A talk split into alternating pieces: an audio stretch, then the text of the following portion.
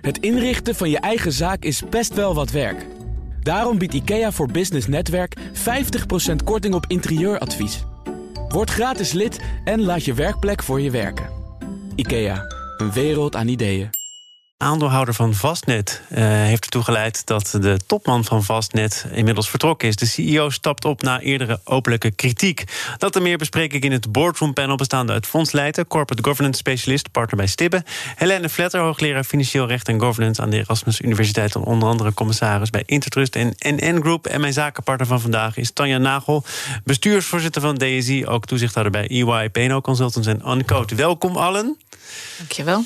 Laten wij uh, beginnen bij Vastnet. Want het, het, heeft iets weg van een voetbaltrainer die nog een jarenlang contract had, maar voortijdig het veld moet ruimen. Het overkomt nu Taco de Groot, topman van Vastnet. Zijn termijn liep tot 2023, maar hij stapt per december voortijdig op als bestuursvoorzitter van het bedrijf. En dat besluit valt na eerdere kritiek van de groot aandeelhouder Aad van Herk, die in het FD een spijkerhard interview gaf over waar het uh, naartoe moest gaan met het bedrijf. De rendementen stonden onder druk. Zijn eigen portefeuille was aanzienlijk minder waard. Hij zei: ieder ander bedrijf was al lang failliet gegaan. Uh, er is daarna bestuurlijk ook nog het een en ander gebeurd. Uh, ze kregen geen decharge over vorig jaar. Het bestuur, het beleid werd afgekeurd door de aandeelhouders. En nu vertrekt dus deze topman. Wat is jouw analyse, Helene? Nou ja, volledige analyse kan ik niet geven, omdat ik niet weet wat er uh, zich precies achter de schermen heeft afgespeeld. Maar als ik er naar kijk, dan valt een aantal dingen op. Eén, dat uh, deze meneer Van Herk, die heeft 25 procent. Uh, hij en Michel Peridon, die hebben er eigenlijk voor gezorgd dat in de aandeelhoudersvergadering geen decharge werd verleend aan het bestuur. Overigens, met een paar stemmen meerderheid werd wel decharge verleend aan de Raad van Commissarissen. Um, en um, wat ook belangrijk is, is dat het remuneratiebeleid is afgekeurd.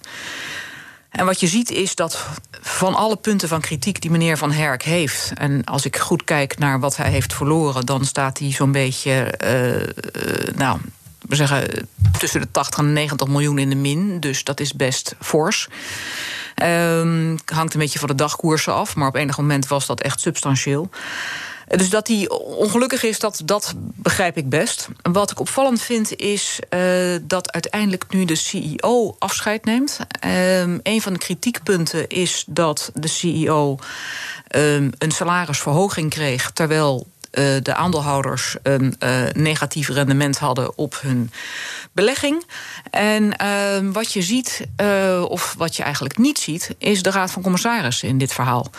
En je verwacht toch wel dat er wat gesprekken hebben plaatsgevonden. Ik vond opvallend dat meneer De Groot in een interview zei: Ik lees in de media. Ja denk, ja, waarom lees jij in de media? Waarom heeft jouw voorzitter van je raad van commissarissen niet een gesprek gehad met, um, met die aandeelhouders? Dus wat er zich daar allemaal precies achter de schermen heeft afgespeeld, weet ik niet. Wat ik wel opvallend vind, is dat er opnieuw. En nu is het dan de CEO die daadwerkelijk het veld ruimt, maar opnieuw is een bedrijf staat onder vuur. En een van de aspecten waarop dat, zeggen, dat vuur zich toespitst, is de beloning van de CEO. En dan verwacht je echt dat die Raad van Commissarissen zijn uh, beslissing, want daar ligt het voorstel, verdedigt. En ik vind dat de grote aanwezige, uh, afwezige hier toch wel de voorzitter van de Raad van Commissarissen is. Overigens heeft die grote aandeelhouder ook gezegd dat hij het liefst de Raad van Commissarissen ziet vertrekken. Ja, en, en, en misschien ik begrijp dat wel, maar ik zie dus dat die discharge net gelukt is. Uh, wat ik ook wel bijzonder vind, is dat, uh, dat de strategiewijziging waar dan op aangedrongen wordt, dat die dan nu versneld zal plaatsvinden. Uh, die zou oorspronkelijk pas in februari uh, uh, worden gedeeld met de wereld. Dat gaat dan nu plaatsvinden terwijl er geen CEO is. En ik, op het moment dat je een nieuwe CEO aantrekt, mag je verwachten dat die nieuwe CEO daar ook best wel iets van vindt. Ja, want in het, in het persbericht, maar het gaat hier in dit panel vaker over persberichten. En dan moet je maar kijken of dat ook een beetje strookt ja. met wat er in de praktijk gebeurt. Wordt gezegd, de strategie verandert. Dus is het ook een geschikt moment om te kijken naar een andere ja, CEO. Je moet, ja. je moet ook wel een tekst hebben. Wat moet je anders in zo'n nee, persbericht zetten? Ik, ik, ik, vraag het jullie maar even. Want, want de meeste mensen zullen wel begrijpen dat het iets te maken heeft met de verhouding van de grote aandeelhouder met de top van het bedrijf. Maar in het persbericht wordt dan toch weer iets anders uh, aangevoerd. Wat maak jij ervan, Tanja? Nou ja, ik, ik denk dat Helene gelijk heeft. Die RVC, dat is gewoon een hele um, afwezige in, in wat, je, wat wij kunnen lezen. We weten het natuurlijk niet precies. En het feit dat er dan wordt gezegd dat de CEO zelf heeft besloten om weg te gaan. Ja, als je het hem maar moeilijk genoeg maakt, dan maakt het ook niet meer uit wie het besluit neemt. Natuurlijk. Leijten, jouw uh, ja, opvatting ik, over de gang van zaken. Nou ja, ik heb ook geen inside-informatie, maar ik denk dat Van der Herk heeft opgetreden als een activistische aandeelhouder. En dat hij wil beleidswijziging doordrukken, ehm, al dan niet door uh, veranderingen in de top. Hij wilde, begreep ik eigenlijk, dat de hele directie zou opstappen. En hij zei toen, ach, dat, dat gaat mij niet lukken, dat wordt een kwestie van advocaten. En toch zie je nu dat er in ieder geval uh, de CEO opstapt. Um, en ik denk dat dat toch ja, in, in samenspraak met Van Herk is geweest. En daar is een soort van compromis uitgekomen. En dat is precies wat activistische aandeelhouders willen bereiken. Um, kijk, succes op de korte termijn heb je als activistische aandeelhouder alleen maar als de resultaten echt onder druk staan. En, en slecht zijn, vergelijking ook met peers. Um, en dat was in dit geval geloof ik wel zo. Hè, want ik geloof dat het voornaamste uh, kritiek van Van Herk was dat die algemene kosten van het bedrijf in tien jaar alleen maar hoger werden, terwijl de bruto huurinkomsten halveerden. Ja, mm. Als je dus geen goed kostenmanagement kennelijk voor elkaar kunt krijgen, dat is dan ook wel de verantwoordelijkheid natuurlijk van de Raad van Commissarissen om daar toezicht op te houden. Maar ja, dan, dan kan je, heb je wel een verhaal. Hè. En, ja, maar de, de, de vergelijking waarvoor waar je het over hebt met andere bedrijven die in dezelfde sector actief zijn, die valt anders uit als je bepaalde zaken wel of juist niet meeneemt. Dus eh, het bestuur wees op het een en hij wees op het ander. Dus hoe dat bedrijf nu precies opereert ten opzichte van concurrenten is wellicht een beetje lastig vast te stellen. Ja, dat, dat is altijd een beetje een probleem. Maar je kan wel, als je, als je deze ontwikkeling ziet, hè, dat uh, in tien jaar die kosten toenemen en de bruto hieronkomsten halveren. En dan kan je in ieder geval een, een, heb je een track record van matige, zo niet ondermaatse prestaties. Uh, en dan denk ik dat je ook vrij snel met wat druk, uh, zeker als je zo, zoveel stemmen hebt als Van Herk, uh, een wijziging kan, kan afdwingen. Ook in de strategie. Ik denk dat die strategie die nu gewijzigd gaat worden, dat die ook besproken is met Van Herk. Het gaat allemaal achter de schermen. maar hij heeft er dus geen ehm, juridische procedure voor nodig gehad. En dat heb je bijvoorbeeld wel als er eigenlijk geen kritiek mogelijk is op het management, zoals destijds bij Stork. Daar moest er was eigenlijk geen kritiek mogelijk op, op, op Vollebrecht als CEO. Alleen ja, de, de, activistische aandeelhouders wilden dat het bedrijf zich opsplitste uh, om meerwaarde te creëren. Ja, en dan, dan, dan heb je wel kans dat je in een procedure toch eigenlijk niet krijgt wat je wil. En hier was denk ik het, het ja, ook bij de Raad van Commissarissen wel het inzicht doorgebroken dat de kritiek van, van Herk nou, steekhoudend was. En denk je dan dus dat Van Herk zich ook gaat bemoeien met de aanname van de nieuwe CEO? Dat denk ik niet. Ik denk dat ze daarvan hebben gezegd dat moet je aan ons overlaten. Eh, dus aan ons, Raad van Commissarissen, overlaten. Van Herk. Maar eh, kijk, als je het beleid verandert, hè, dan, dan heb je eigenlijk al bereikt wat je als grote aandeelhouder wil. Um, dat er is nu een slachtoffer gevallen, dat is de CEO. Nou ja, dat is, dat is nog wel begrijpelijk, want hij is verantwoordelijk geweest voor dat beleid. Maar ik denk dat dus de echte winst voor Van Herk zit in dat men al heeft gezegd: we gaan de strategie veranderen. En ja, dan gaan we dan een, CEO bij zoeken die, daar, uh, die daarmee akkoord is. Ja, Helene? Ja, wat, wat, wat een bijzonder punt is in de statuten van Vastnet, uh, is dat, en dat zal misschien ook um, hebben bijgedragen aan het vertrek nu van, uh, van de CEO, is dat normaal gesproken als je als aandeelhouders een, uh, een BAVA, een buitengewone vergadering van aandeelhouders, wil bijeenroepen, dan moet dat via de rechter. In de statuten van Vastnet, ehm, dan kun je dat gewoon doen als je 10% hebt. Dan vraag je het bestuur. Uh, wilt u een, eh, een, BAVA organiseren? Dan zegt het bestuur, nou nee, ik dacht het niet. En dan kan, het, uh, kan de AVA dat toch doen. Dus uh, ze wisten ook dat, ehm, dat er geen juridische procedure voor nodig was... om in een BAVA deze meneer te ontslaan. Dus ik denk dat dat er ook aan heeft bijgedragen. Helene, jij haalde net een interview aan waarin eh, de Groot zei... ik heb het allemaal gelezen in de media. In datzelfde interview zei hij, en dat moet natuurlijk ook... Uh, dat hij open staat voor een open dialoog... en uh, iedereen is altijd welkom, zeg gewoon wat je wil. En toch moet het kennelijk komen tot een interview in het FD... en vervolgens nou, de andere ontwikkelingen die we net besproken hebben. Dan is zo'n Van Herk toch ook eigenlijk ten einde raad. Dan, dan roept hij dus de media in om voor elkaar te krijgen wat hij voor elkaar wil krijgen, dan is daaraan voorafgaand toch al van alles misgegaan. Ja, maar absoluut. Bedoel, en, en de media worden daarvoor gebruikt. Dat is de tactiek van.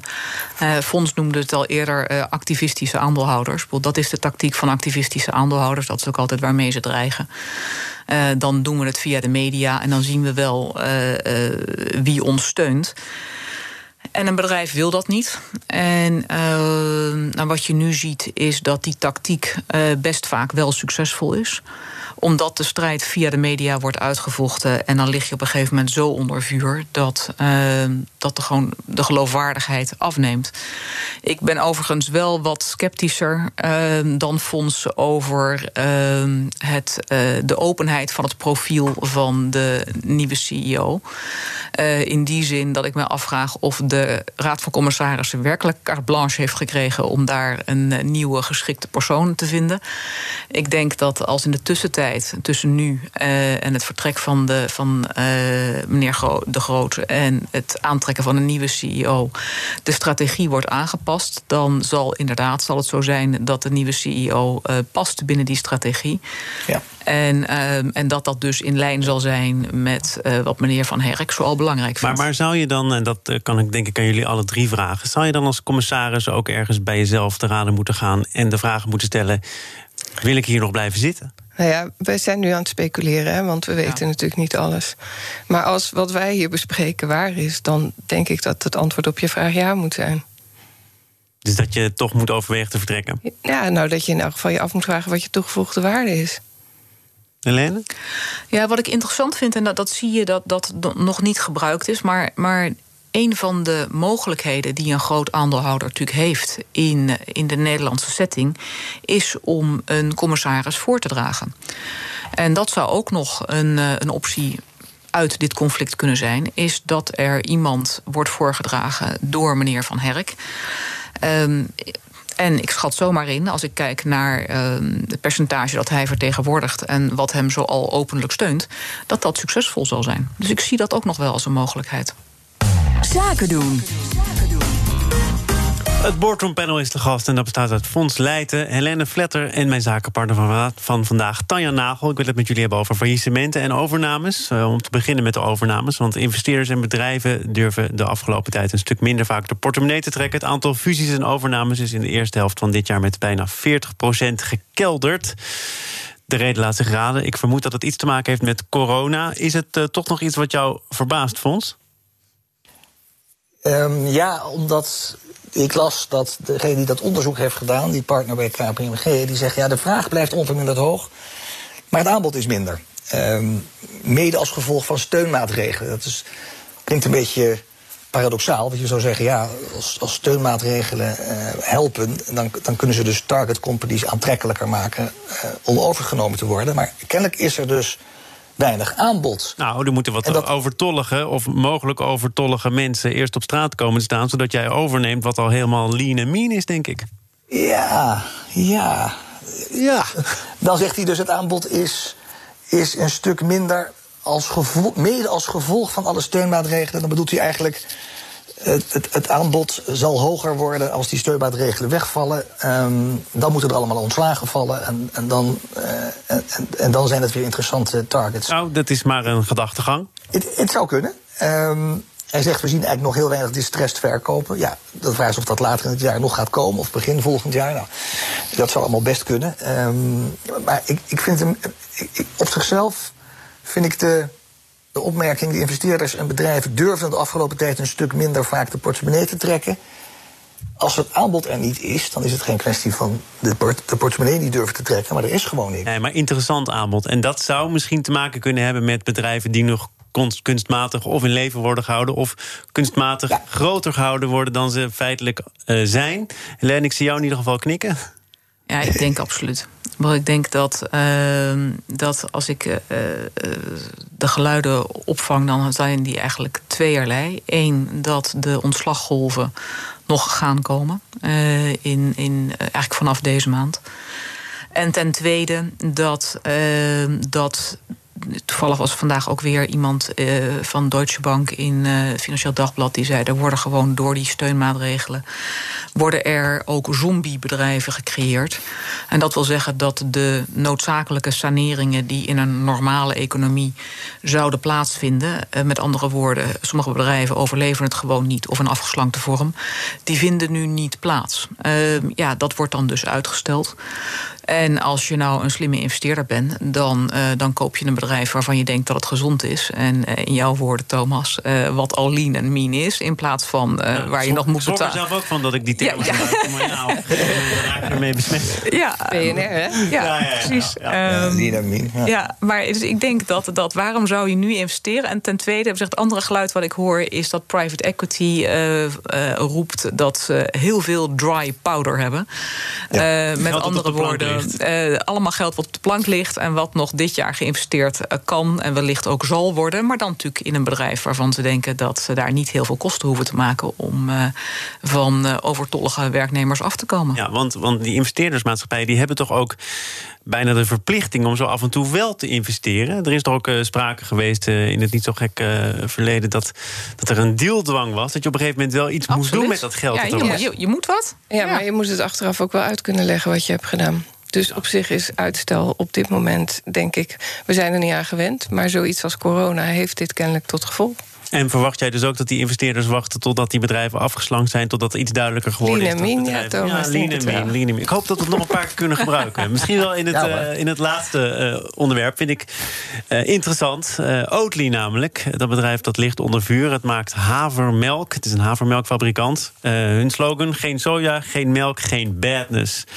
En nu komt het erop neer dat ze, zoals het FD schreef, hun plantaardige ziel hebben verkocht aan de duivel. En die duivel heet dan Blackstone, de investeerdersmaatschappij. En Blackstone investeert ook in bedrijven die haak staan op de zo'n mooie groene missie van Oatly.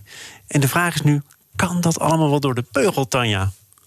Nou ja, dan lees je vervolgens uh, interviews met allerlei mensen die in zo'n situatie hebben gezeten. En de ene helft zegt nee, dat kan niet. En de andere helft zegt ja, je hebt gewoon geld nodig om te kunnen groeien, om je doelstelling te realiseren. Oatly heeft voor dit tweede gekozen. Ja, ik kan me er wel wat bij voorstellen. Dus je hoeft niet per se rekening te houden met de scherprechters. De scherpslijpers misschien. Als je echt impact wil hebben, dan heeft dat misschien ook gevolgen voor hoe groen of hoe duurzaam, hoe idealistisch je kunt opereren. Nou, ik denk dat het belangrijk is dat je de voorwaarden misschien kunt bepalen waaronder zodat je wel je eigen doelstellingen overeind kan houden. En misschien de tijdelijkheid ervan. Maar als je anders überhaupt geen bestaansrecht hebt, is het toch wel jammer.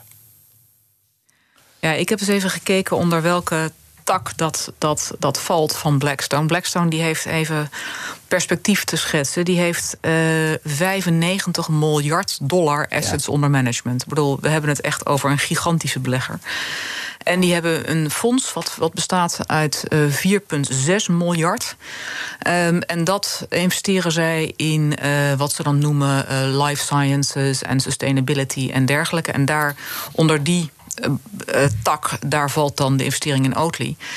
En uh, ja, ik ben dan misschien naïef, maar ik beschouw dit misschien ook wel positief. Ik denk zelfs een belegger van het formaat als uh, Blackstone kan er niet onder vandaan komen dat ze toch ook sustainable en groen moeten, moeten gaan beleggen. En uh, Oatly zei zelf van ja, wij willen laten zien dat je ehm, met een investering in een groen bedrijf ook een goed rendement kunt halen. En denk, en als dat Blackstone die heeft dat nodig. Hè, dat is de, de kapitalist optima forma. Um, zeg ik maar even. Um, het, dus tussen aanhalingstekens. Oatly Blackstone meer helpt wellicht dan andersom? Wellicht wel. Ja, dus ik, ik, ik, ik denk dat, dat het echt een, een win-win situatie kan zijn. En je hoort ook dat uh, veel van die, uh, laten we zeggen, meer sustainable bedrijven, die hebben gewoon een, een gebrek aan private equity investeerders.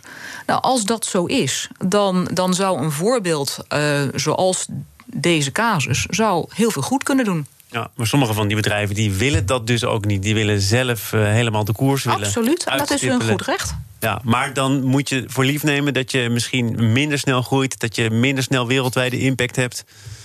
Blackstone is een powerhouse.